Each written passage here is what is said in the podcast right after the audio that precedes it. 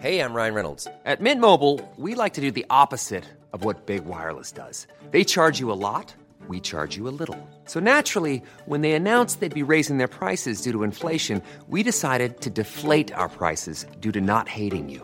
That's right. We're cutting the price of Mint Unlimited from $30 a month to just $15 a month. Give it a try at mintmobile.com slash switch. $45 upfront for three months plus taxes and fees. Promo rate for new customers for limited time. Unlimited more than 40 gigabytes per month. Slows. Full terms at mintmobile.com. Burrow is a furniture company known for timeless design and thoughtful construction and free shipping, and that extends to their outdoor collection. Their outdoor furniture is built to withstand the elements, featuring rust-proof stainless steel hardware, weather-ready teak, and quick-dry foam cushions. For Memorial Day, get 15% off your Burrow purchase at burrow.com slash ACAST and up to 25% off outdoor. That's up to 25% off outdoor furniture at burrow.com slash ACAST. Hey, it's Ryan Reynolds, and I'm here with Keith, co star of my upcoming film, If, only in theaters, May 17th. Do you want to tell people the big news? All right, I'll do it. Sign up now and you'll get unlimited for $15 a month in six months of Paramount Plus Essential Plan on us. Mintmobile.com slash switch. Upfront payment of $45 equivalent to $15 per month. Unlimited over 40 gigabytes per month. Face lower speeds. Videos at 480p. Active Mint customers by 531.24 get six months of Paramount Plus Essential Plan. Auto renews after six months. Offer ends May 31st, 2024. Separate Paramount Plus registration required. Terms and conditions apply if rated PG. Hej! Välkomna till Nyans igen. Jag såg precis Kajan stoppa in en snus och då funderade jag på om Händer det någon gång att man råkar tugga på snusen och man tänker att det är någonting man ska äta? Eh, det är min fråga. Eh, Ja, det är, det är en bra fråga. Jag, jag känner stor respekt för att du ställer den. Eh, nej, det skulle jag nog inte tro har hänt. Jag har ju däremot glömt att jag har en inne och stoppat in en till. Och sen glömt även den och stoppat in ytterligare en till. Eh, men det tänker jag inte så... Det är samma sak som man gör med tamponger så där ibland, att man Mm. har glömt att man redan Köplager. har en där, så kommer den på köpet. du, det, det, till er som lyssnar, det, det är Hanna som pratar nu och sen Har vi Paula? Och så är det Kajan med snusen. Då har vi inspelningen igång. Så ja, åklagaren kan väl börja ställa frågor. Det här är Nyans, feministisk true crime med Kajan, Hanna och Paula.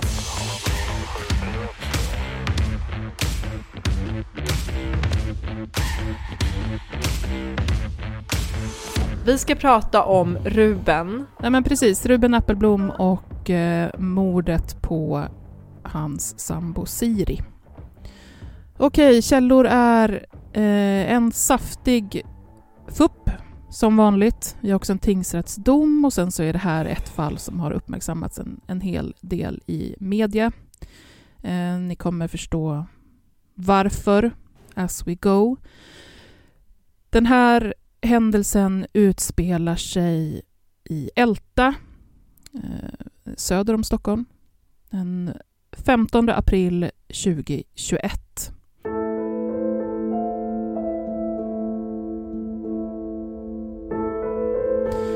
Det kommer in ett larm till SOS.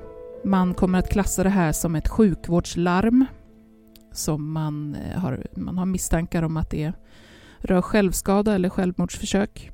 Det här samtalet inkommer cirka 19.30 och personen som ringer in säger bland annat så här. Hej, min flickvän har, vet inte, huggit sig själv i ansiktet. Eh, och det här som jag säger nu är lite lösryckta eh, citat så att det är ingenting som kommer i följd. Han säger också Men jag fattar inte, hon har stuckit sig själv i munnen. Jag var i vardagsrummet och hon stängde in sig. Jag vet inte, jag försökte slita kniven ur händerna på henne. Jag hörde en duns. Hon ramla. Jag vet inte om... Jag hörde duns bara. Sen sprang jag in. Och då var hon ändå vid medvetande. Sen så, jag vet inte, började jag fatta att hon hade gjort något dumt. Drog jag kniven ifrån henne och sen kastade jag den och sen i badrummet. Och sen sprang jag tillbaka och ringde er. Den som ringer in är Ruben. Han är 23 år vid tillfället och personen som är hans flickvän och som det rör är Siri som är 20 år. Eh, Ruben pratar på en hel del i det här larmsamtalet. Han eh, får instruktioner om att göra eh, livsuppehållande åtgärder på Siri och gör det. Och han får guidning under hela tiden. Han verkar ganska, ska vi säga, chockad. Han eh, är eh, desorienterad. Han vet inte riktigt vad han ska göra. Han pratar i samtalet också om att han behöver ta på sig plasthandskar. Eh, han säger att han gör det under samtalet. Det är ganska så rörigt. Det kommer räddningspersonal till platsen. Man börjar med att försöka ge Siri inledande sjukvård men det konstateras ganska så snart att Siri är avliden. Hon har knivhugg på armar, bröstet och ansiktet bland annat. Man ser också att det är väldigt mycket blod eh, på golvet där hon ligger i sovrummet. Och man ser att hennes sår inte eh, blöder, alltså det kommer inte längre blod ur dem. Vilket gör att man tror att hon har legat ett tag och helt enkelt blött ur. På sängen, som är precis bredvid henne där hon ligger på golvet, ligger en en månad gammal eh, bebis och sover. Det här var ungefär då vid 19.30 som det här samtalet kommer in. Redan kvart över åtta så fattar man beslut om att inleda förundersökning avseende mord. Eh, man fattar också beslut om att Ruben grips misstänkt för mord. Och i det här beslutsresonemanget så skriver man att eh, Siri hade flera sårskador på framsidan av överkroppen, i halsen och i ansiktet. Eh, och det här samtidigt som Ruben hade sårskada på fingrarna. Hans kläder var väldigt nerblodade och han uppgav inledningsvis att de hade grälat, att det hade blivit bråk eh, mellan honom och Siri. Det här gjorde att man då fattade misstanke om brott och att skälig misstanke riktades mot Ruben för delaktighet.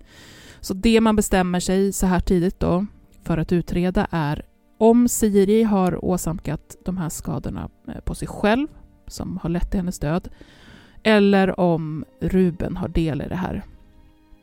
Det nämns inte just i den här sammanfattningen av eh, beslutsresonemanget, men det finns fler detaljer som gör att man i vart fall i efterhand eh, kommer fundera över det som, som Ruben uppger och det är till exempel då att eh, Siri, där hon ligger på golvet, ligger på en gardin som eh, bokstavligt talat har slitits ner med fästen och allt från, från fönstret.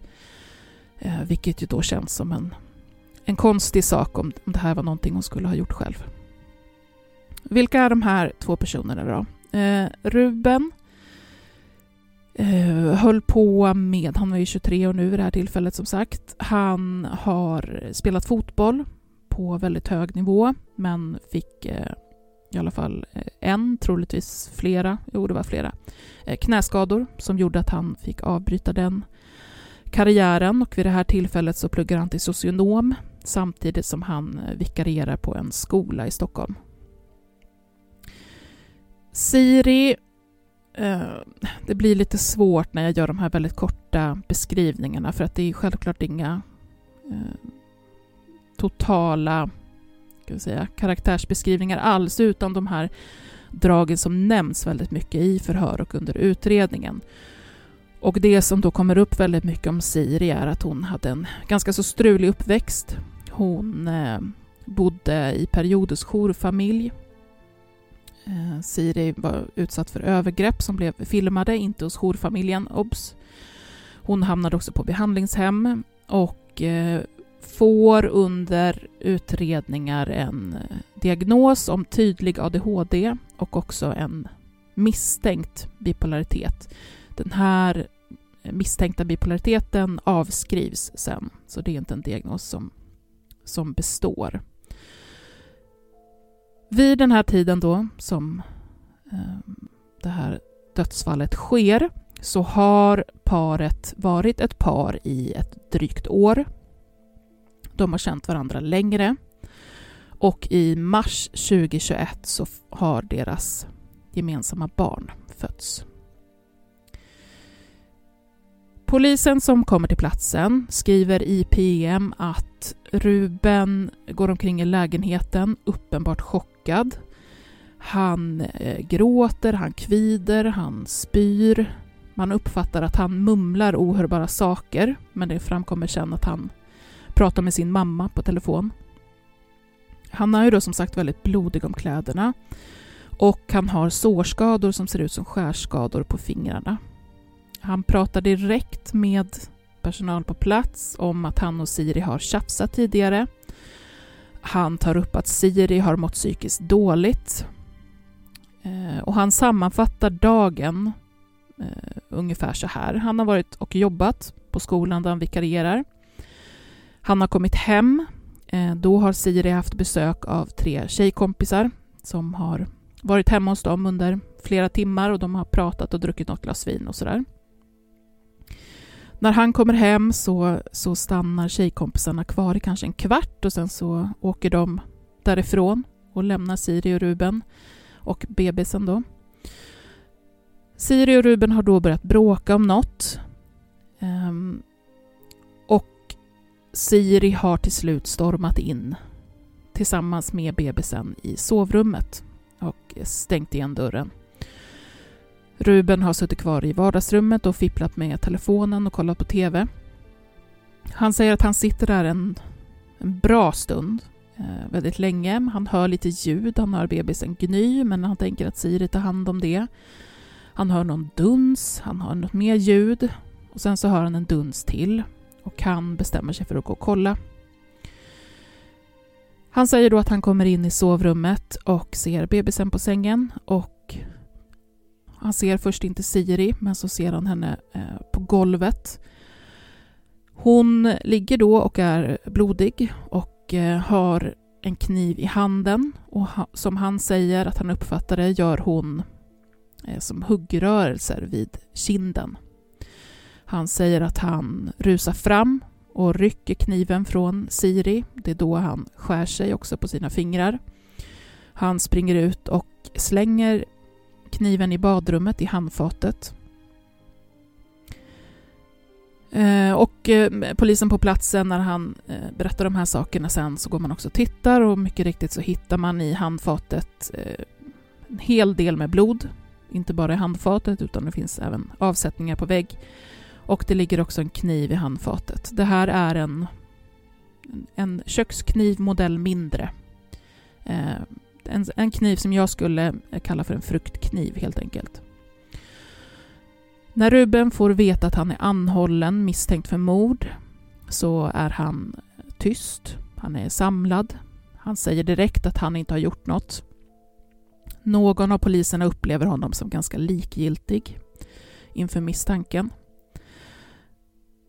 Det som kommer fram då i förundersökningen, eller en del av det, är att Siri har ordentligt med stickskador på kroppen. Det är över eh, 30 stycken, det är ett 30-tal.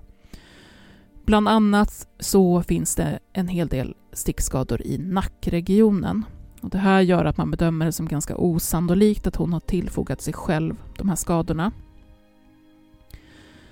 Eh, förhören med Ruben är ganska så röriga, jag kommer komma in på det mer sen. Ehm, men, men det är många resonemang där han helt enkelt, ja men som exempel, han pratar om, om de här handskarna då, de här plasthandskarna som han har tagit på sig. Eh, det är, och som man hörde då i larmsamtalet, och det är eh, väldigt rörigt kring vart han har tagit dem, varför han har tagit dem. Han uppger att det är för att han ska kunna hantera Siris kropp ena stunden och sen är det för att han ska kunna hantera sin mobil, för han blöder om fingrarna.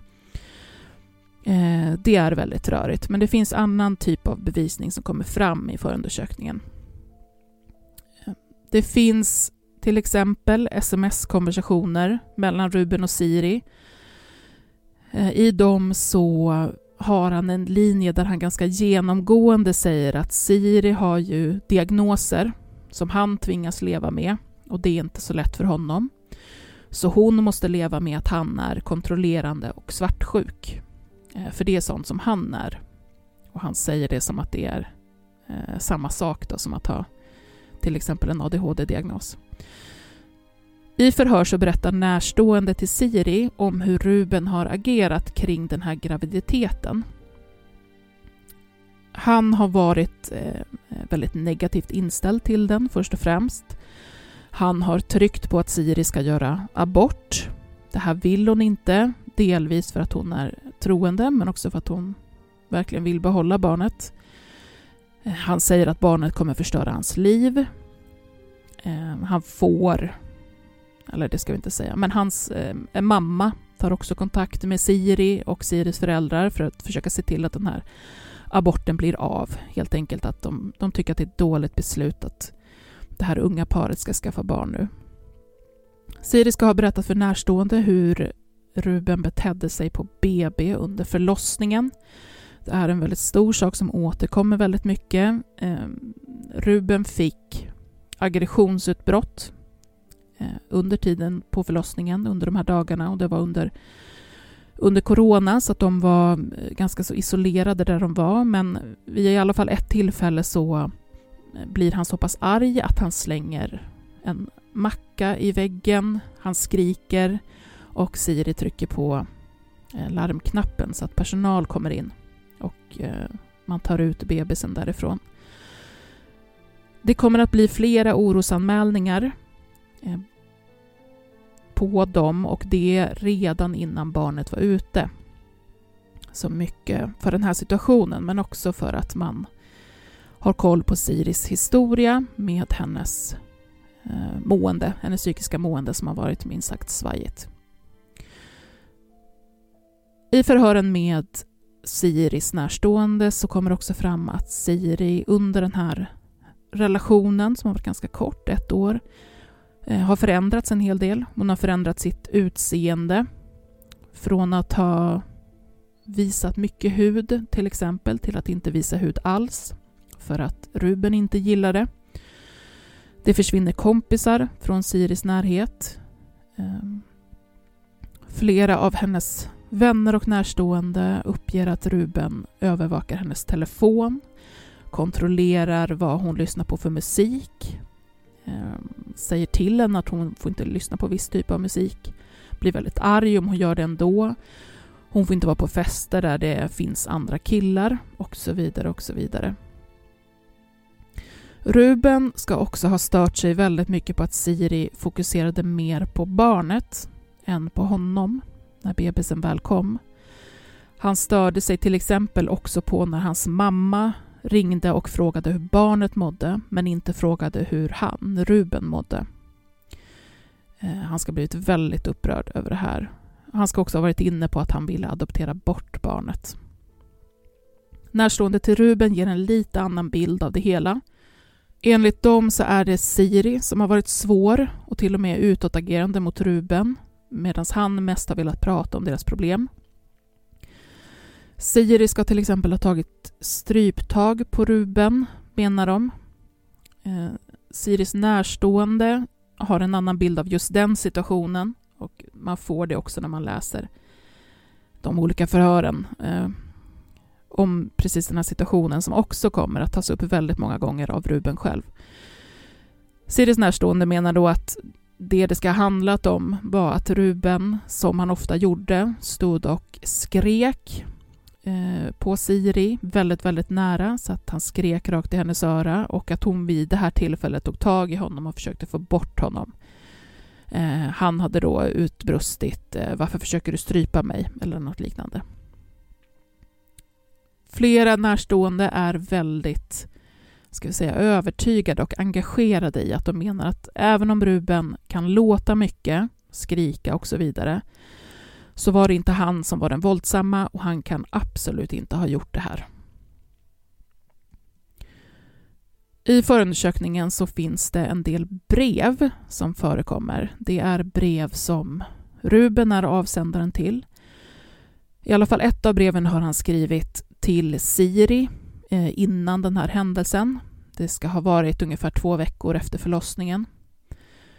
Och i det brevet så, det är ganska så ska jag säga, övergripande kärleksfull ton. Han pratar om vikten av att de ska ta tid till varandra, att de inte bara ska lägga tid på barnet. Eh, han tar upp sex, att det är ett problem, att det inte finns utrymme eller tid till det. Eh, och genomgående sådär väldigt uppmanande till att eh, man förstår att han tycker att Siri inte lägger tillräckligt mycket med tid på relationen till honom. Han avslutar med att skriva att Siri är hans nummer ett, barnet hans nummer två och sen hans mamma som nummer tre. Jag nämnde att det finns flera andra brev och det gör det och det är brev som Eh, han har skrivit efter den här händelsen. Så han har skrivit när han är frihetsberövad. Ehm, bland annat, eller framför allt, är det till hans föräldrar. Och han skriver i ett av de här breven Barnet är ett stort, stort misstag. Han skriver om att hans vänner inte svarar tillbaka på hans brev och hur besviken han känner sig över det. Han skriver om att han får mögligt bröd där han sitter, att det inte går att äta, att det bankas i väggarna, att han är rädd. Han skriver att han har skadat örat för att han trycker in öronpropparna så långt. Eh, och han skriver så här. Hela mitt liv är förstört. Allt. Det kommer aldrig att bli bra igen. Och jag vet att det aldrig någonsin kommer att ändras kommer vara fattig, inlåst och olycklig resten av livet. Ta inte upp barnet något mer. Det stör mig otroligt att ett misstag får vara ute och leva bra och jag är här. I slutet av just det här brevet så lägger han till ett PS nere i kanten och i det PSet så skriver han att till och med smöret är gammalt. Man har med flera eh, olika olika förhör med olika vårdkontakter som har tagits innan den här händelsen. Eh, framförallt vårdkontakter då som Siri har haft. Det är både inom psykiatrin och inom mödravården. Samtliga av de här vårdkontakterna har noterat eh, att det upplevs finnas en otrygg situation med hänvisning till en aggressiv kontrollerande pojkvän. Det finns också oro kring Siris mående kopplat till hennes psykiska historik. Ehm, någon noterar i sina anteckningar att Siri uppger att Ruben kommer att förstöra hennes liv om hon lämnar honom. Men vad säger Ruben i förhör? Jo, men han trycker inledningsvis mycket på att han var väldigt rädd för Siri. Att hon kunde bli orimligt arg, att hon kunde bli fysisk, han tar upp det där stryptaget eh, väldigt många gånger. Men sen eh, när veckorna tickar på så händer det något. Ruben ändrar sin utsaga. Man gör en eh, paragraf 7-undersökning, så ni vet, den lilla rättspsykundersökningen på Ruben och i den så framkommer det att Ruben har en annan syn på vad som har hänt. Hans bild av det hela har ändrat sig. Han säger där att när kompisarna, alltså Siris kompisar, åkte iväg från deras hem så började han och Siri bråka. Han säger att Siri ville göra slut med honom och att när hon säger det så blir det mörkt för hans ögon. Det svartnar. Och nästa sak han minns är att han står vid henne där hon ligger på golvet och att det är blod överallt. Han säger också i den, under den här undersökningen att det måste ha varit jag. Och i ett förhör då mot slutet av utredningen eh, så ändrar han sig också gentemot poliserna. Han säger att han skulle vilja ändra historien till slutet. Nu minns han plötsligt att de börjar bråka i sovrummet, att de är där inne och bråkar och skriker på varann. Det har han inte sagt tidigare. Han säger att under det här bråket så svartnar det för hans ögon.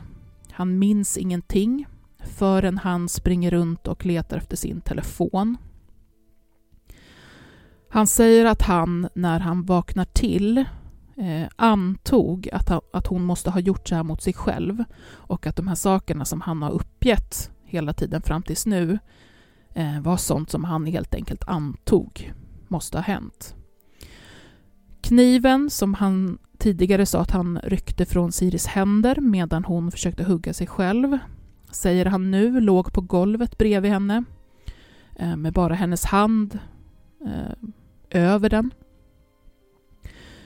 Eh, han tog den alltså inte ifrån henne medan hon skadade sig själv och skadorna på hans fingrar kan han inte längre svara på när de har kommit. Han säger så här. Nu alltså, det känns ju som det mest rimliga är väl att jag måste ha haft något med det att göra. Det är väl det jag har suttit och tänkt på liksom nu senaste veckorna. Eh, Ruben fortsätter att resonera kring det här och han resonerar mer och mer till att han måste ha fått en psykos. Det här har han också skrivit på en lapp eh, som i princip är ett avskedsbrev eh, till sina föräldrar där han också får in att Siri var väldigt elak mot honom. Och den här lappen tappar han lite lägligt framför häktespersonalen som plockar upp den. Jag ska avsluta med att ta upp lite som jag tyckte var väldigt intressant i FUPen och det är man vänder sig till en, en professor i psykologi med inriktning på minnet. Och det gör man då för att man vill utreda det här nya scenariot som Ruben har, har målat fram av hur han helt enkelt har fått en, en blackout, en, en minneslucka. Det här har vi varit inne på flera gånger i podden, så att jag tänker att det är härligt att få med vad hon säger om det här. Eh, då frågar eh, förhörsledare eller ansvarig så här. Så, orsaker kan vara smäll mot huvudet, alkohol, psykisk sjukdom, epilepsi, starka droger. Om det inte är något av dem som ligger bakom, finns det något annat, till exempel i den sociala miljön, som kan utlösa en blackout? Hedvig Söderlund svarar så här. När man pratar om glömska i sådana här sammanhang pratar man om organisk glömska. Det är alkohol, slag mot huvudet och det finns även dissociativ glömska eller psykogen glömska som har med stark stress och starka känslor att göra. Det tredje är att man ljuger helt enkelt. Psykiskt skapad glömska, till exempel Freud, och att man förtränger saker är debatterat hur pass troligt det är. Det vanligaste är att när man har en stark känslomässig upplevelse så kommer man ihåg den väldigt starkt. Att man glömmer den är extremt ovanligt. Eh, där har jag läst på om att när förövare hävdar glömska så är det väldigt vanligt. Det är ungefär en tredjedel av fallen. Men att faktisk glömska är väldigt ovanligt när det rör starka känslor. Det är väldigt vanligt att man kommer ihåg det man själv har gjort. Har man gjort saker med kroppen så kodas det in på ett bättre sätt i hjärnan. Det finns en studie med ett plan som höll på att störta och alla trodde att de skulle dö. De på planet minns olyckan väldigt, väldigt bra. Jag säger inte att det inte kan hända, men det är väldigt ovanligt att starka känslor leder till minnesförlust. Det är snarare offret som är så tra traumatiserad att man stänger ute det där, inte förövaren. Eh, det är en väldigt lång, eh, ett långt samtal med henne, men det, hon kommer fram till att det här inte känns troligt och att det inte finns stöd för att eh, den här minnesluckan existerar på det sättet som, som Ruben har sagt. Men vi kan prata mer om det efter att du, Hanna, gått igenom vad rätten kommer fram till. Nyans, feministisk true crime med Kajan, Hanna och Paula. Den första observationen jag gjorde när jag läste den här domen var att den känns, de går verkligen igenom allt. Och jag får känslan av att framförallt åklagaren är så här, nu jävlar ska vi säkra upp här. Eh, och kör på med verkligen hur mycket bevisning som helst. Och åberopar också som bevisning ett vittnesförhör med den här eh, minnesforskaren för att verkligen säkra upp det här. Och sen får jag också upplevelsen när jag läser den att domstolen är också så här att nej nu, ingen jävla hovrätt ska komma och ändra den här domen. Nu ska vi vara så tydliga och gå igenom varenda liten grej. Och det gör de. Man kan väl säga att det, jag, jag uppfattar att det finns två teman som får väldigt mycket utrymme i den här domen. Och det första är så här huruvida Siri har tillfogat sig skadorna själv eftersom att det var det som Ruben körde som sitt första spår. Och då kan hon ha gjort en del själv och kan han ha gjort en del av dem. Eh, och det andra temat är huruvida eh, Ruben har haft uppsåt och det här med den här medveten, eller alltså hans, hans eh, vad heter det, blackout, huruvida han har varit medveten eller inte. Ruben förnekar att han har begått ett brott, men han ifrågasätter inte att han, det är han som har dödat Siri. Så att när jag började läsa det här, jag bara varför lägger de så mycket fokus på, på huruvida vem har tillfört skadorna när han ändå har, har liksom, han säger inte att det inte var han som dödade henne. Men, men hur som helst, de, de ser till att säkra det här. Han menar ju att han inte var medveten om det här och att han därför saknar uppsåt. Så att även om det är han som har gjort det så tycker han inte att han ska dömas för det för att han kommer inte ihåg att han har gjort någonting. Bevisningen består i dels ett gäng vittnesförhör med vänner, eh, med den här minnesforskaren, det är beslagsprotokoll, brottsplatsundersökning, fotografier och alltså eh, you name it. Eh, de här breven som Kaja var inne på och det finns mycket.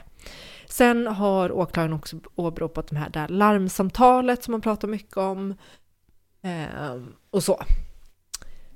Den första frågan som domstolen frågar sig är kan någon annan ha gjort det här än Ruben? Tingsrätten konstaterar att det inte finns något som talar för att någon ytterligare person utöver Ruben, Siri och deras barn befann sig i lägenheten när Siri fick stickskadorna. Det fanns inte några tecken på åverkan på ytterdörren, balkongdörren eller fönster. Det fanns heller inte spår av DNA från någon annan person än Ruben och Siri. Det kan därmed till en början eh, med uteslutas att någon annan person har utdelat knivhuggen än Ruben eller Siri. Tingsrätten anser vidare att det kan uteslutas att Siri själv har tillfogat sig de stickskador som ledde till hennes död.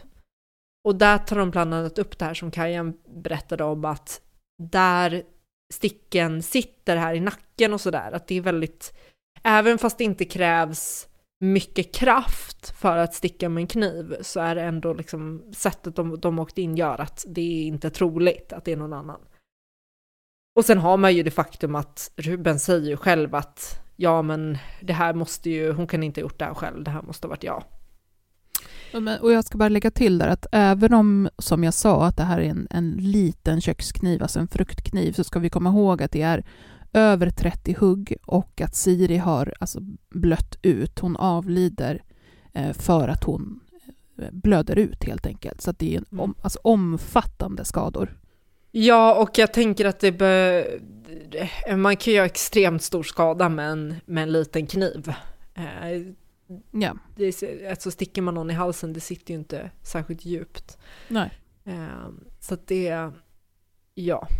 Men så den, den frågan eh, är utredd enligt tingsrätten att det här, det kan inte ha varit någon annan än Ruben som har gjort det här. Och då har vi då den, den stora frågan, det här med uppsåtet. Och då skriver tingsrätten så här. För att Ruben ska kunna dömas för mord krävs det att han haft uppsåt. I uppsåtsrekvisitet ligger ett allmänt krav på medvetenhet. För att medvetenhetskravet ska vara uppfyllt måste gärningsmannen alltså vara i någon grad medveten om att han eller hon utfört ett visst handlande. Om gärningsmannen inte har varit medveten om handlingen därför att hans medvetande varit grumlat föreligger inte uppsåt i straffrättslig mening.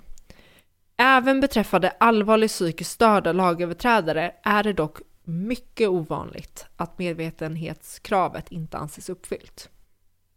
Åklagaren ska styrka omständigheter som ger stöd för bedömningen att det är ställt utom rimligt tvivel att Ruben handlade med uppsåt.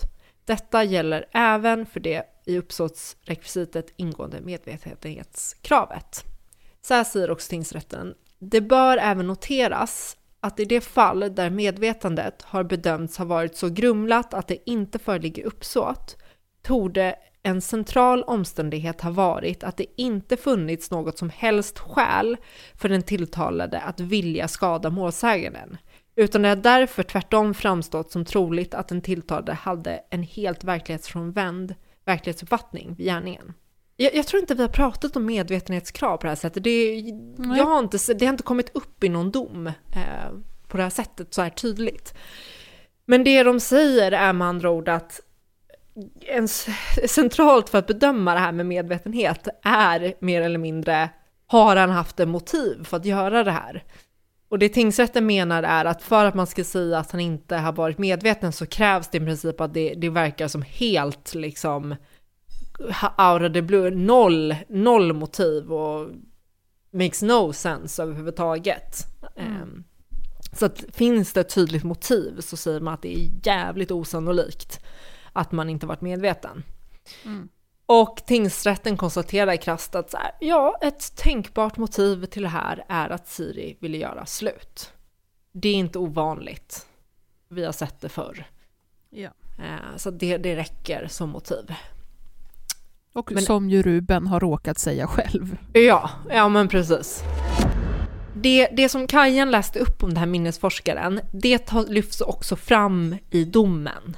Så det jag uppfattar är att tingsrätten tar fasta på samma sak som Kajan gjorde. Det man kan tillägga där är att den här minnesforskaren säger också så här. Det torde dock inte helt kunna avfärdas att en minneslucka skulle kunna uppkomma som en följd av en mycket stark känsloreaktion. Enligt minnesforskaren så känner hon till en tysk forskare som uppgett sig känna till ett sådant fall. Men något ytterligare fall har hon inte hört talas om.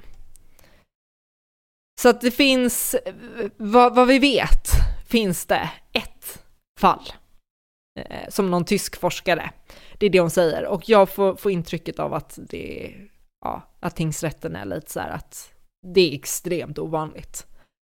Tingsrätten skriver också så här. Så vitt framkommit höll Ruben under cirka två månader fast vid berättelsen att Siri hade skadat sig själv och under denna tid sa han inte något om att han haft en minneslucka. Detta talar enligt tingsrättens uppfattning klart för att berättelsen om minneslucka uppkom när det till hänsyn till skadebilden framstod som tydligt för Ruben att Siri inte kunde ha skadat sig själv. Med andra ord, det här är en efterhandskonstruktion är vad tingsrätten säger. Lite fint inlindat. Sen så tyckte jag också att det här var väldigt bra att tingsrätten noterade. Tingsrätten noterar nämligen att de tycker att det är märkligt att Ruben flera gånger gett uttryck i förhören att han, eller han, det, det låter som att han förklar, för, försvarar sitt handlande och att det har varit synd om honom. Och tingsrätten menar att det här rimmar ju väldigt illa med att han inte skulle ha dödat henne med flit. Ja. Att så här, varför försvarar du dig och varför är det synd om dig i det här? Ja, alltså som att han i ett förhör lägger till, alltså den här sista delen så frågar man alltid, eh, har du någonting du vill lägga till, någonting du vill säga innan vi stänger av bandet och avslutar förhöret? Och, och i en sån passage så trycker han på att Eh, ja, jag, jag, vill ändå säga att jag var eh, faktiskt väldigt rädd för, för Siri i den här situationen. Vilket är ett, en helt orimlig passus ja. om hans take är att det är hon som bara har stormat ut och sen skadat sig själv. Eh, och det där drar han ju på otroligt mycket och nästan mm. mer och mer. Hej, det är Ryan Reynolds och jag är här med Keith, co-star of my upcoming film If, only in theaters May 17th. Do you want to tell people the big news? All right, I'll do it. Sign up now and you'll get unlimited for $15 a month in six months of Paramount Plus Essential Plan on us. Mintmobile.com slash switch. Upfront payment of $45 equivalent to $15 per month. Unlimited over 40 gigabytes per month. Face lower speeds. Videos at 480p. Active Mint customers by 531.24 get six months of Paramount Plus Essential Plan. Auto renews after six months. Offer ends May 31st, 2024. Separate Paramount Plus registration required. Terms and conditions apply if rated PG. I'm Sandra, and I'm just the professional your small business was looking for. But you didn't hire me because you didn't use LinkedIn jobs. LinkedIn has professionals you can't find anywhere else, including those who aren't actively looking for a new job but might be open to the perfect role, like me.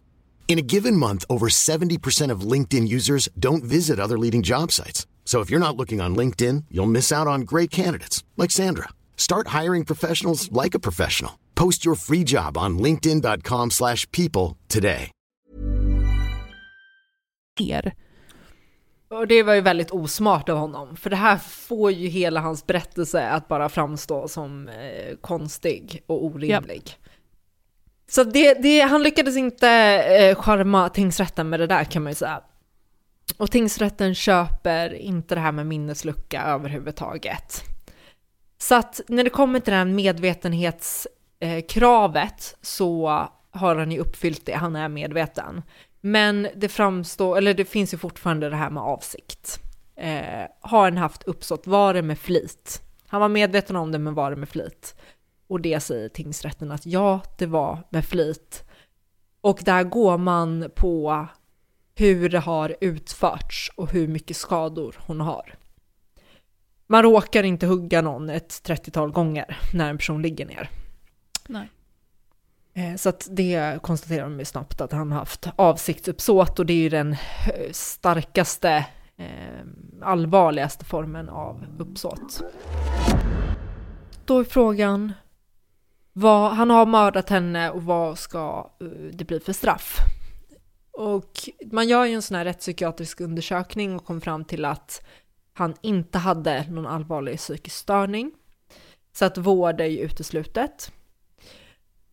Eh, tingsrätten konstaterar först att vid den här, nu är ju normalstraffet ska ju vara, man har höjt det så att det ska vara livstid, men vid den här tiden så var det ju fortfarande 16 års fängelse som var baseline för ett mord kan man väl säga, när det varken finns förmildrande eller försvårande omständigheter. Och i det här eh, fallet så konstaterar, konstaterar man att det finns absolut inga förmildrande omständigheter whatsoever.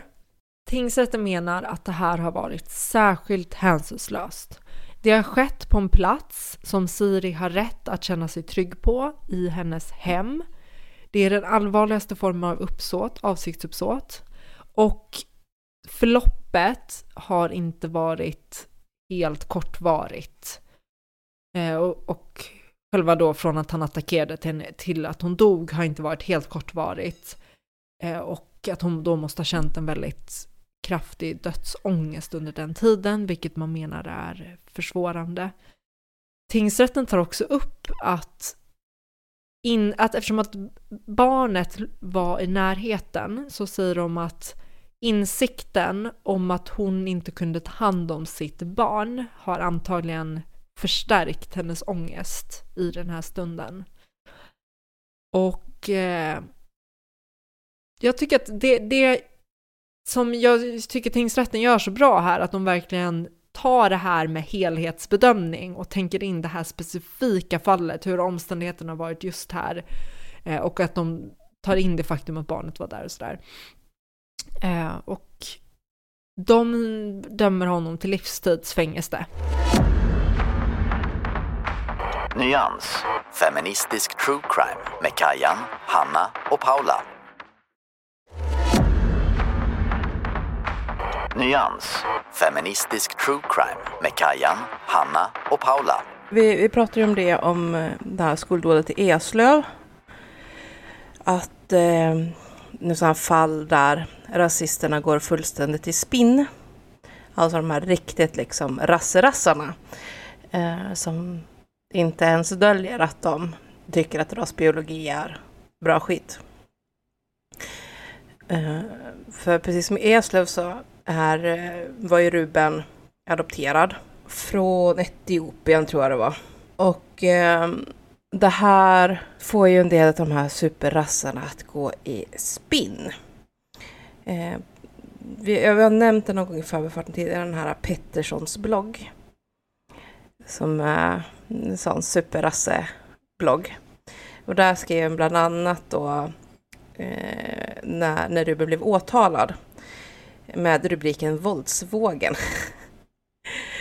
Eh, att eh, åklagaren har idag åtalat en 23-årige Ruben Appelblom för mord på sin 20-åriga sambo.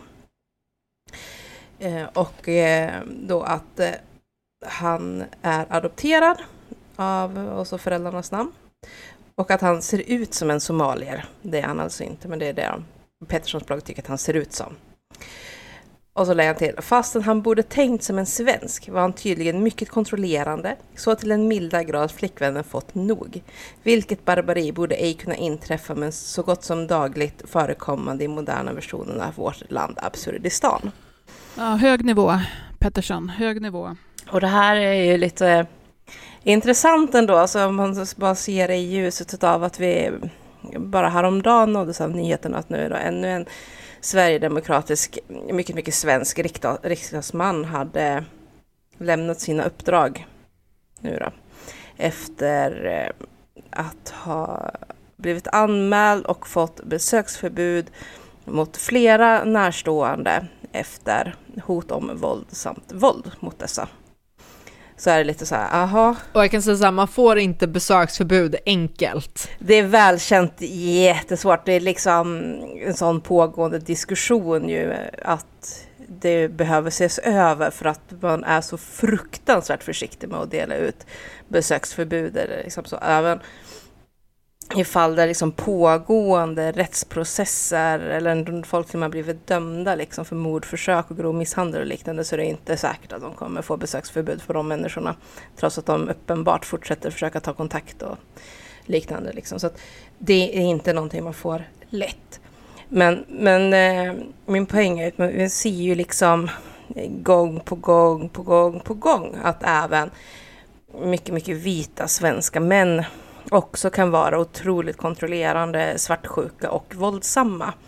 Så att det är en sån fruktansvärt rasistisk trop på något sätt att komma här och försöka få det till att ja, men han var adopterad så att han har gener ifrån ett annat land och trots att han haft svenska föräldrar som har försökt att få honom att tänka som en svensk så har de misslyckats och han har fallit tillbaka i sitt genetiska arv på något sätt. Då.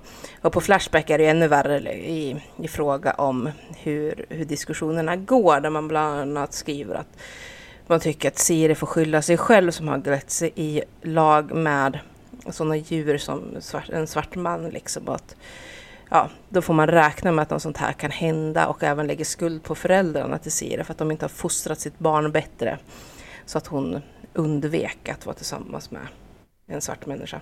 En, som en liten passus så stör det mig också jättemycket att man sitter och diskuterar Rubens etnicitet och med etnicitet inte pratar om det som etnicitet faktiskt är utan verkligen så, här, så tydligt bara rakt av har bytt ut eh, ordet ras till etnicitet. Um, och för de som inte hänger med på den grejen så är etnicitet alltså kulturell tillhörighet nu säga, vad man själv främst identifierar sig i i fråga om kultur men också språklig tillhörighet och till viss del geografisk tillhörighet.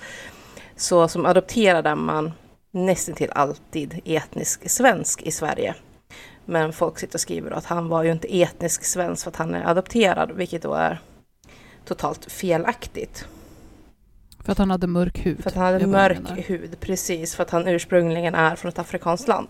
Och därför menar man på att då är han ju etniskt afrikan på något sätt då. Men jag tvivlar på att han hade speciellt mycket tillhörighet kulturellt till sitt födsloland vid det här laget. Jag kan tänka mig om man lyssnar så kanske det känns osmakligt med Ehm, de här delarna i, i brevet och så som, eller breven som, som jag läste upp där Ruben uttrycker sig så otroligt kallt och krast om eh, sitt eget barn. Eh, han kallar barnet för misstaget. Eh, han, han känner eh, agg gentemot att, att barnet finns där ute medan han sitter inlåst. Det är väldigt, väldigt grovt och jag tycker ändå att det är har sin plats i, i när man pratar om det här fallet, för att det visar ju på en, en, en empatistördhet som är alltså massiv. Eh, och att man liksom i, i, samma brev som man, som man uttrycker sig så om sitt eget barn, att man tycker att det är orättvist att barnet finns där ute och mår bra när man själv sitter inlåst, eh, liksom har mage att beklaga sig över att man tycker att man får mögligt bröd, Eh, till och med smöret är dåligt, det, det, låter så högt. Alltså det finns en, en alltså sjuklig eh, självupptagenhet som, som genomsyrar mycket och jag slogs också av det när jag, när jag plöjde förhören. Um, hur det märks att Ruben liksom kommer in i det här att måla ut det mer, han får nästan feeling, liksom, målar ut det mer och mer, att, att det var det inte så att det var Siri som var våldsam? Jo, det var Siri som var våldsam och jag var rädd för henne och hon gjorde det här och det här. Och sen blir det framförallt eh, sista långa förhöret med honom så så eh, har ju förhörsledarna en massa med bevis och massa underlag eh, som gör att det blir lite jobbigt för Ruben att upprätthålla den här fasaden av att han, eh, som han har målat fram, att han var väldigt fin eh, pojkvän, pappa, eh, han fick stå ut med väldigt mycket. Eh, kontrollerande var han absolut inte. Skulle aldrig komma på tanken att han skulle vara kontrollerande. Och så fortsätter de att ställa frågor om sådana här situationer. Har du någonsin hotat Siri? Har du någonsin eh, Ehm, har hon någonsin sagt att hon skulle göra slut med dig och har du då kommit liksom med att det skulle bli konsekvenser om hon gjorde det? Och han absolut inte. Nej, nej, nej, nej, det skulle han inte göra. Det var ju han som ville lämna för hon var så elak och, och liksom läskig. Och då kan ju de till slut sen ta fram så här, okej, okay, men vi har den här sms-konversationen. Du skriver så här och så här. Du skriver Ehm, eh, om du tror att vi ska göra slut eller något så, så ska du veta att jag kommer fucka ditt liv eh, så jävla hårt. Obs, inte ordagrant. Eh, men, men, han skriver det. Det är väldigt hotfullt och väldigt, väldigt eh, otrevligt. Och det här sitter han liksom i. Han kan, han kan inte ens i den situationen när han är påkommen med att totalljuga om saker, kan han inte ens stå för det, utan då liksom trasslar han in sig i något resonemang om ja, men det här med att ta slut, det menar jag att eh, eh då tänkte jag att det var Siri som skulle ta slut på sitt eget liv och det var det jag inte ville skulle hända. Alltså sån här, oh, ingen köper det. Men, men att han, han är så uppe i det själv, att för honom låter det där rimligt. För honom låter det som en rimlig förklaring. Och också att han har suttit i hur många förhör som helst och bara, nej men kontrollerande var absolut inte, jag var verkligen inte det.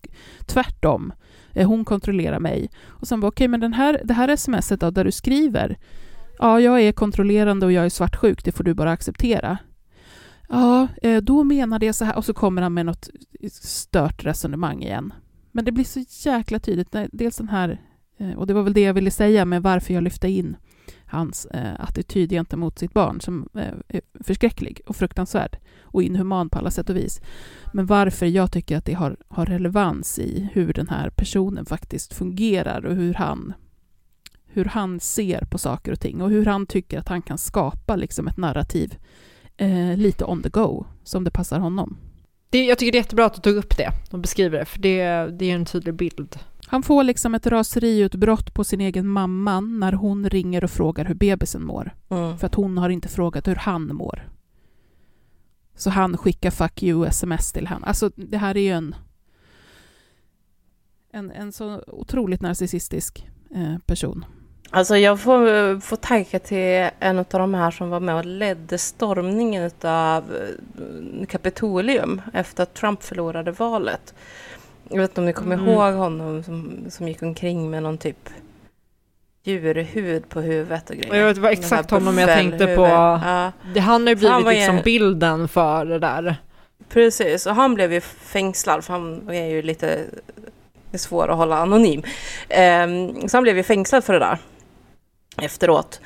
Uh, och jag uh, tror han dömdes också. Nu fick de ju inte speciellt hårda straff, men han fick ju sitta inne ett tag i alla fall. Mm. Och han skrev ju brev till Donald Trump och typ så här vädjade att Donald Trump skulle se till att få ut honom i fängelse för det var så jävla jobbigt att sitta där. Och sen skrev han brev och klagade till sin mamma att maten var undermålig för den var inte biodynamiskt odlad. Vad, vad är ens biodynamiskt? ja, och massa sådana grejer. Så att hon i sin tur tog kontakt med eh, fängelset och sa att de behövde ordna fram bättre mat till hennes son. För att det dög inte att han ja, skulle äta. Nu kommer jag att tänka, typ. kommer ni ihåg den här rapparen som satt på Kronobergshäktet? På Kungsholmen i Stockholm. Ja, eh. ASAP Rocky. Och jag kommer ihåg hur mm. de så här, amerikansk media bara åh han får äta, vad var det, vad var det han hade fått så här, eh, cowboysoppa soppa, så det är så helt vanlig skolmats, så här, åh det är så hemskt, hur vidrig maten var, så här bara, eller typ krokodilsoppa eller vad det var. Bara, det är ju mm. jättegott, helt vanlig mat liksom. Precis. Nej, men det, det, det som svenska häkten utmärker sig på, och som nu har fått kritik för, det är ju att det inte finns någon tidsbegränsning hur länge du får sitta häktad. Ja, det har vi fått kritik för i en bappeljon år. Precis, det har ju varit någonting som man har liksom kritiserat för väldigt, väldigt länge, för egentligen bryter det mot mänskliga rättigheter. Blir du eh, häktad så ska det finnas liksom en begränsning på hur länge du får sitta häktad innan du ska bli åtalad och det måste finnas liksom någon form av rimlighet i det där, men det har vi inte i Sverige, utan det är liksom så att nej men när, när fallet är klart att drivas till åtal så drivs det till åtal och konstaterar man längs med vägen att nej vi kan inte driva det här till åtal, ja då går man fri. Och så får man lite skadestånd istället. Alltså det finns, det finns ju hemska fall. Det var ju någon kvinna som satt så här nio månader med restriktioner, det vill säga hon fick inte mm. träffa någon utanför, inte läsa några nyheter, inte se några, liksom ingenting, helt isolerad. Bara prata med häktespersonalen i typ nio månader.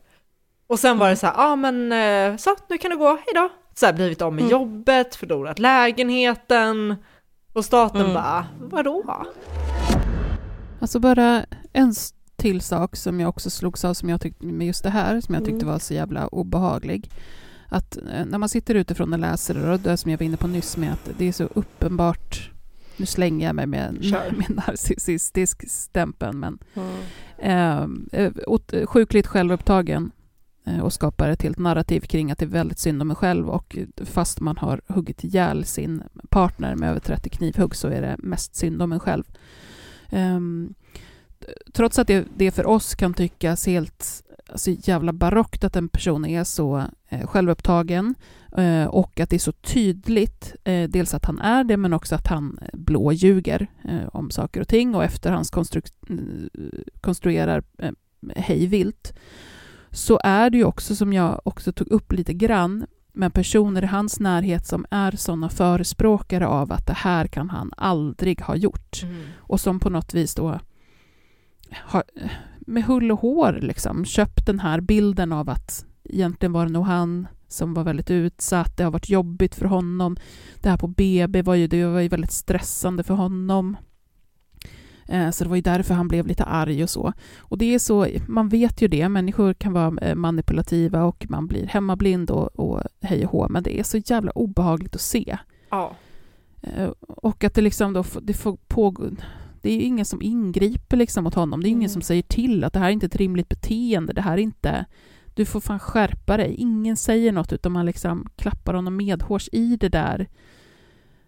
Uh, och sen, ja, det är inte som att det alltid kommer sluta ett mord, men det, jag vet inte, det var så mm. påtagligt mm. i det här hur människor i hans närhet försvarar honom in i det sista och liksom anstränger sig för att mm. det här måste ni veta, han skulle aldrig göra det här, det är inte han. Mm. Men jag vet att jag, lä, inte läste, jag hörde i någon vetenskapspodd, det var inte i det mörka psyket faktiskt. För ovanlighetens skull. Utan det var har du i... otrogen? Jag var otrogen. Jag lyssnade på en amerikansk vetenskapspodd. Men nu kommer jag inte ihåg namnet på den, men skitsamma. För då pratar de just om okay. det här med, eh, med narcissism och hur det uppstår. Och, och de sa att man vet ju inte exakt men, men man har väl kunnat ringa in åtminstone två grejer som ökar risken för att någon ska utveckla narcissism.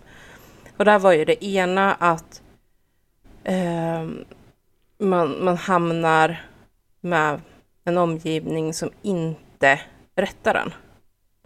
Och där skulle jag säga passar ganska bra in på det som, som läcker ut liksom om Ruben och hans närstående just nu.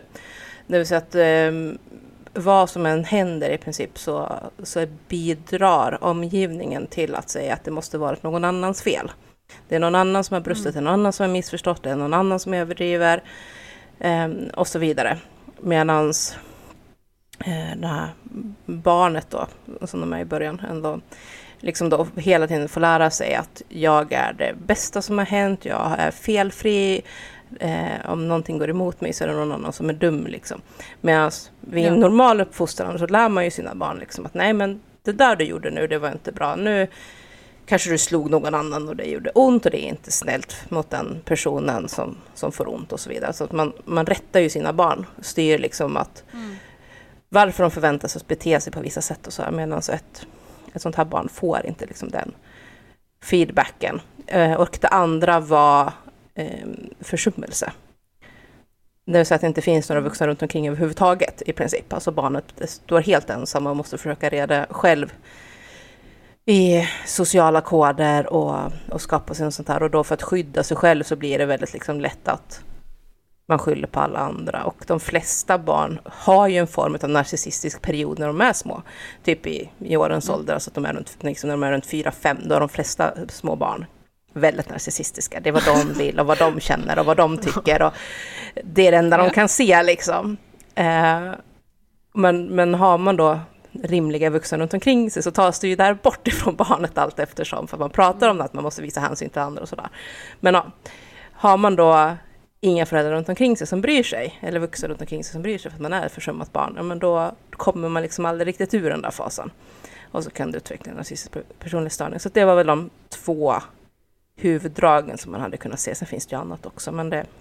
Vad intressant att det är två ytterligheter mm. liksom, på motsatta sidor. Mm. Verkligen. Eh, som resulterar i detsamma. Det är väldigt mm. intressant. Det här skulle jag vilja göra ett specialavsnitt på. Alltså. Det är så intressant. Vi får bjuda in Katarina i specialavsnitt där vi bara pratar narcissism.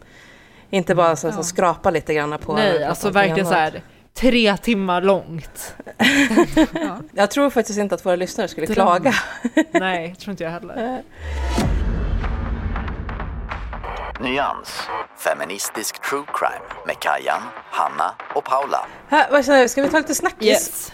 Alltså jag, jag, måste bara få säga att fy fan, jag tycker att ålar, alltså bilder på, bilder, bilder på ålar är så jävla äckligt. Det ser ut som en stor burk med mask. Alltså det är så äckligt. Och de där bilderna har ju varit Vad överallt. Vad pratar ni om nu? Ja, du vet jag snart.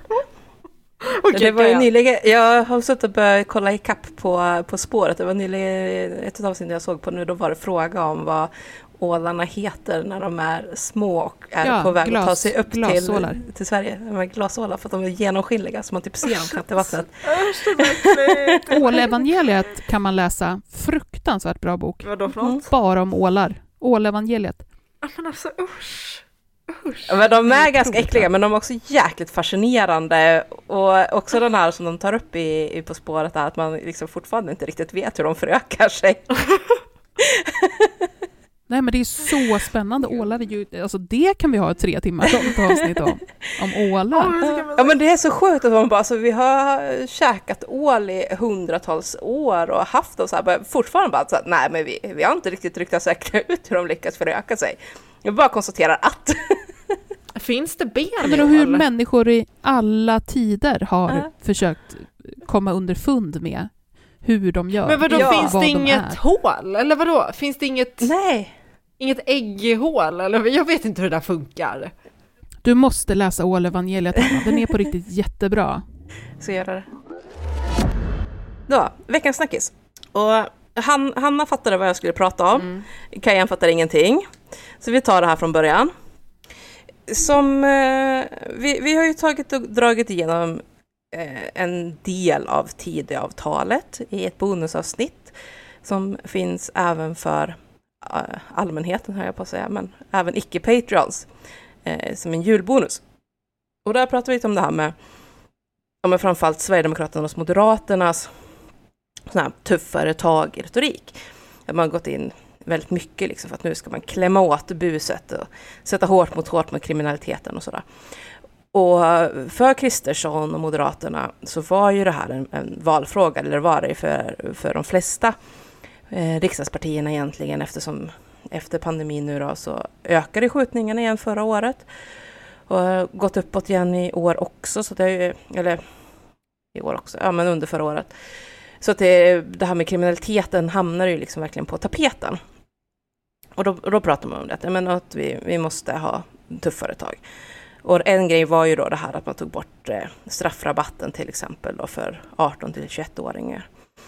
Men man pratar också om att man måste då straffa hårdare för små, små förseelser för att liksom kväsa brottsligheten i sin linda. Sverigedemokraterna kom ju med det här förslaget om att man kanske skulle då införa någon form av skamstraff för eh, barn som ännu inte var straffmyndiga. Man pratar om 12 till 15-åringar med att städa toaletter eller liknande då på sin skola så att de skulle få skämmas inför sina kompisar. Eh, om de så mycket som hade liksom snattat en Hubba Bubba. Att det, ja, för att verkligen liksom sätta hårt mot hårt. Och då blev det givetvis lite pinsamt, eller vad man ska säga, när det nu då strax innan jul kom fram att PM Nilsson, som jobbat som statssekreterare, det vill säga Ulf Kristerssons högra hand för Moderaterna, eh, hade fiskat ål utan tillstånd, vilket alltså är olagligt. Och eh, när han togs på bar gärning med de här, eh, ja nu kommer jag glömde bort vad det heter, men jag på säga, typ korgar som man använder för att fånga ålarna i, så förnekade han att det var hans. När han senare blev uppringd av polis kring det här så fortsatte han förneka att det var hans. Och det var någonstans på femte försöket som, som han till sist då krackelerade inför det här och sen ringde tillbaka till polisen och, och erkände att ja men okej då, det är mina fiskegrejer, jag har fiskat ål utan lov. Och nu... Att ljuga. Ja. Varför ljuger man? oh. uh, det, det är en gåta i sig varför han valde att ljuga i det här. Men, det här eh, kommer jag nog undan. Jag bara säger att det inte är jag. Ja, men han verkar ha kört Det blåser över. Ja.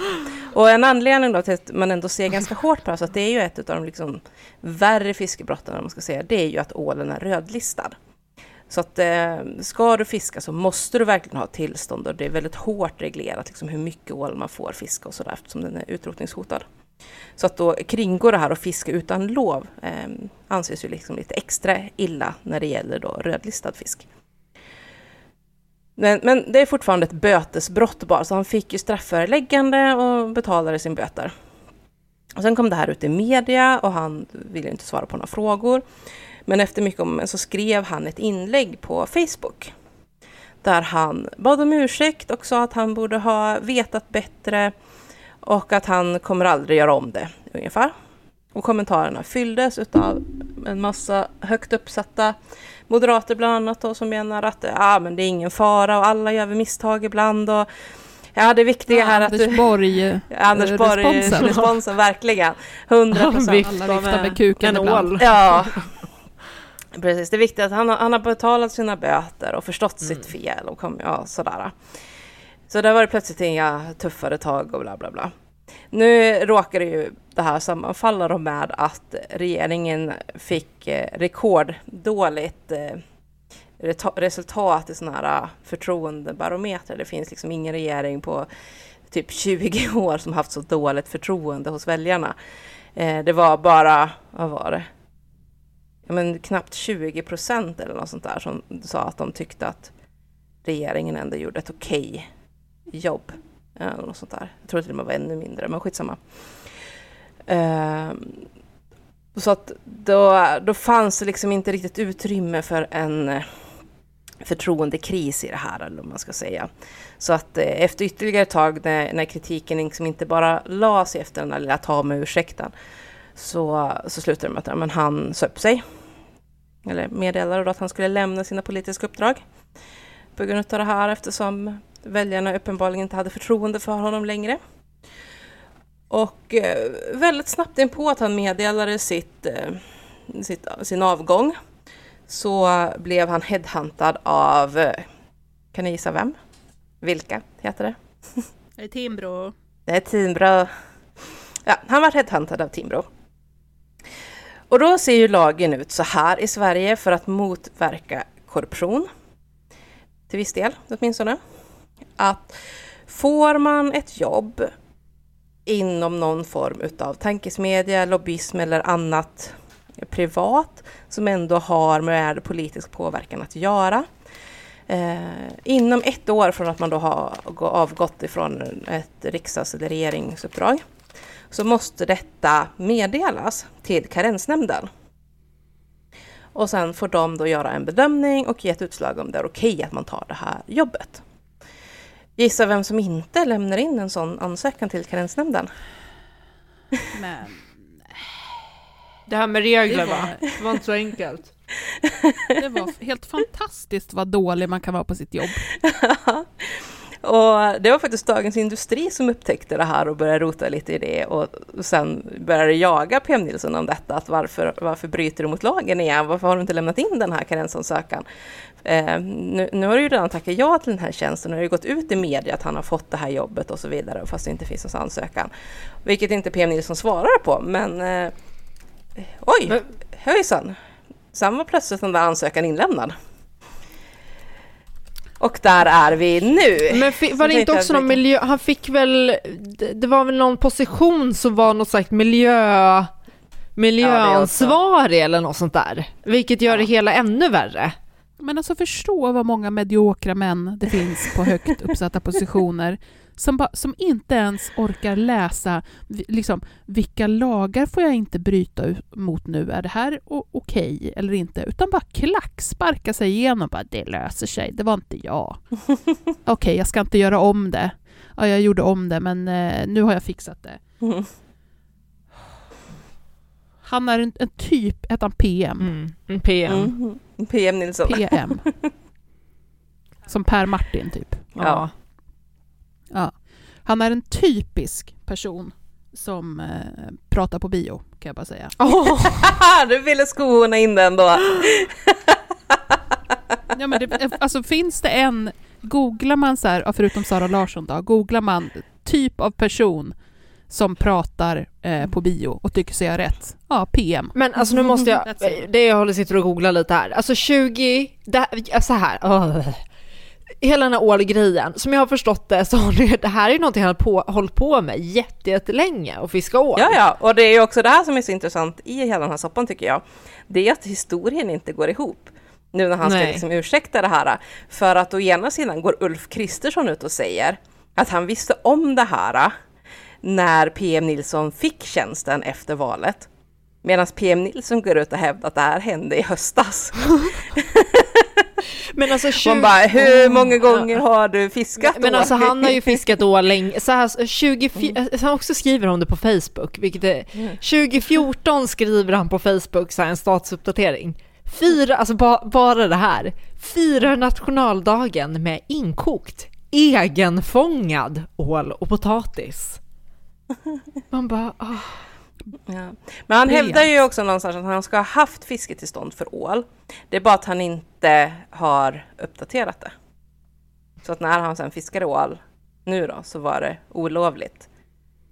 Ja, men, Vilket gör att- ju inte. Vad är det för Nej, jävla det försvar? inte. Men jag vet att det var åh, Heberlein Ann satt i kommentarerna på hans sån här ursäk, ursäktspost och skrev liksom om att Nej, eller det kan ha varit Rebecka förresten var det nog. Rebecka Weidemo väl?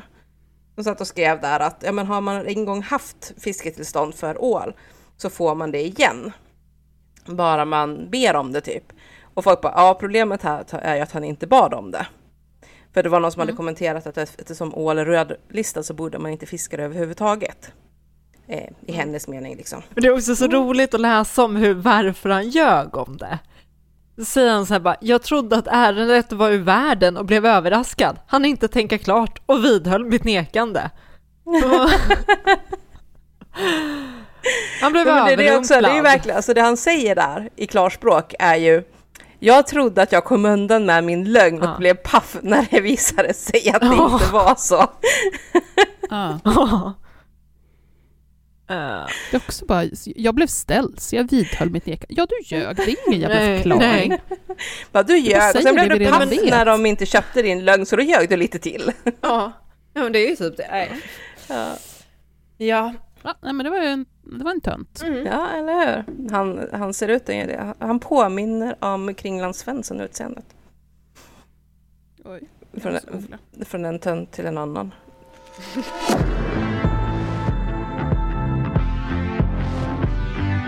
Tack våra älsklingar för att ni har lyssnat. Vi uppskattar det jättemycket. Eh, Kajan bara, jag kommer aldrig låta henne ta avslutet igen. Vad är det för jävla love bombing? Ja, men jag, jag, jag fick prestationsångest nu och tänkte att nu måste jag liksom slå det här. Du är så professionell.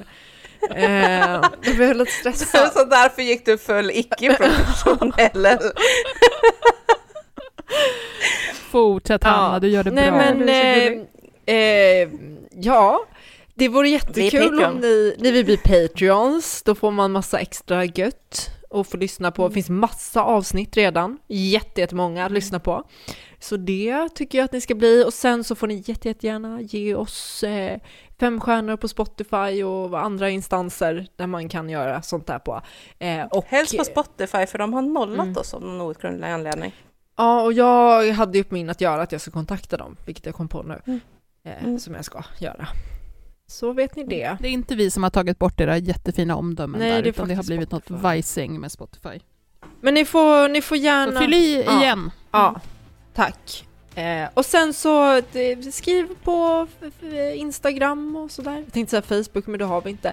Nu ska jag sluta min rant om vad ni ska göra. men vi uppskattar det i alla fall. Ja, okej. Är det er bra? Vi er hörs. ni? Er ja, puss. Hej, hej. Hej. Hej hej!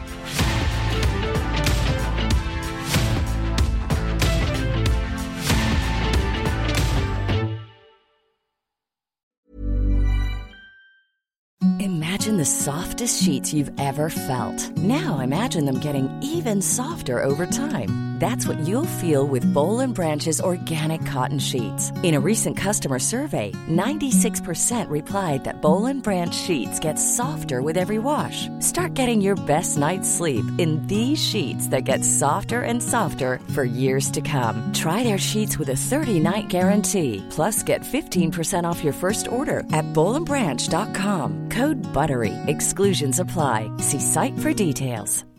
Support comes from ServiceNow, the AI platform for business transformation. You've heard the hype around AI. The truth is, AI is only as powerful as the platform it's built into. ServiceNow is the platform that puts AI to work for people across your business, removing friction and frustration for your employees, supercharging productivity for your developers, providing intelligent tools for your service agents to make customers happier. All built into a single platform you can use right now. That's why the world works with ServiceNow. Visit servicenow.com slash AI for people to learn more.